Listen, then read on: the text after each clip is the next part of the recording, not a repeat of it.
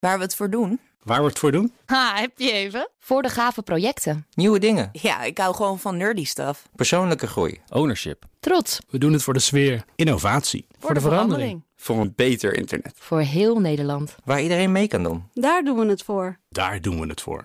Waar doe jij het voor? Kom werken voor KPN en groei op jouw manier. Check de actuele vacatures op het gebied van data, security, development en networking op jobs.kpn.com/tech. Wetenschap vandaag. Carlijn Meinders is aangeschoven, natuurlijk. Natuurlijk. Uh, er wordt al enige tijd onderzoek gedaan naar de effecten van minder eten. Je zou hier mogelijk langer door leven. Maar hoe dat effect nou precies in elkaar zit, de moleculaire schaal, dat wisten we nog niet echt tot nu. Vind ik ontzettend een onderwerp, want ik roep dit heel vaak op feesten en partijen. Ja, als je minder eet, word je heel oud. Ja, daar is dus heel veel onderzoek naar gedaan. En we zijn nu weer een stapje verder in die zoektocht. Onderzoeker Sebastian Krunke van het Max Planck Instituut for Biology of Aging vertelt dat ze in zijn lab dus vooral geïnteresseerd zijn in dat effect van ons dieet op de gezondheid en onze levensduur. Die onderzoeken doen ze allereerst in fruitvliegjes. Ze hebben daarbij onder andere gekeken wat in dat dieet veroorzaakt nou dit effect. In that context, we are especially interested in uh, proteins and amino acids.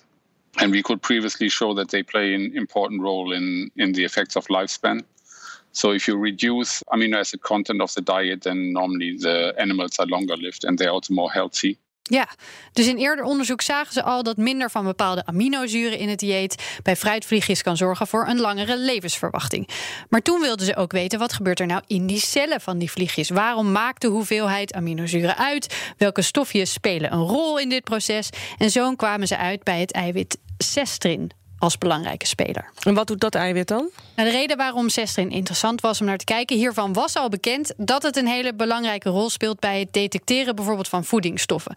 Als je, uh, als je minder eet of anders gaat eten en je lichaam krijgt daardoor minder energie binnen, dan kan cestrin ervoor zorgen dat je cellen anders met die energie omgaan. Maar daarvoor moet hij dus wel weten wat komt er allemaal precies binnen. Dit jaar werd uh, bijvoorbeeld ook bekend dat bij fruitvliegjes met meer cestrin veel meer effect heeft dan bij fruitvliegjes met minder cestrin. ik zie nu, ik zie nu een, uh, een sportschool voor me met allemaal geen grap, ze hebben een mini-sportschool gebouwd echt? voor fruitvliegjes. Zoek het maar een keer op. Het is echt uh, heel leuk. Oké. Okay. Ja, ja. Ik heb maar daar daardoor, beeld bij. Goed. Ja, daardoor was het dus een logische kandidaat om nader te bestuderen. Wat hebben ze gedaan? Ze hebben gekeken wat gebeurt er als het eiwit het niet doet. Ze namen een fruitvliegje, zetten die op zo'n dieet dat er normaal voor moest zorgen dat ze langer leefden. En wat ze zagen was dat als dit eiwit het niet deed, er ook geen positief effect was van dat dieet. Cestrin lijkt dus noodzakelijk voor dat lang zal je leven effect van minder eten. En vervolgens deden ze ook nog het omgekeerde. Cestrin can sense amino acids and it's actually uh, inactivated by amino acids. So if you have high amino acids and cestrin is not active, if you have low amino acids then cestrin gets activated in cell culture.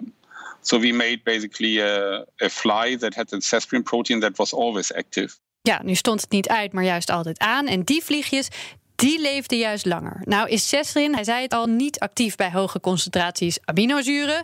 Dus dan lijkt het ineens heel logisch dat bij een dieet met minder aminozuren cestrin dus beter zijn werk kan doen. Oké, okay, maar kunnen ze hiermee al wat uh, aan uh, onze eigen levenslengte doen? Nou, ze uh, hebben ook nog gekeken waar gebeurt dit allemaal, in welk gedeelte van die vlieg. Toen zagen ze dat dit vooral bij de stamcellen in de darm gebeurt. Stamcellen zijn natuurlijk heel belangrijk voor het herstel- en verjongingsmechanisme van ons lichaam. Dus dat is hele belangrijke informatie die ze mee kunnen nemen naar vervolgonderzoeken. En natuurlijk moet dit wel dan nog uiteindelijk in mensen worden bekeken. Ja, en krijg je dan een kuurtje?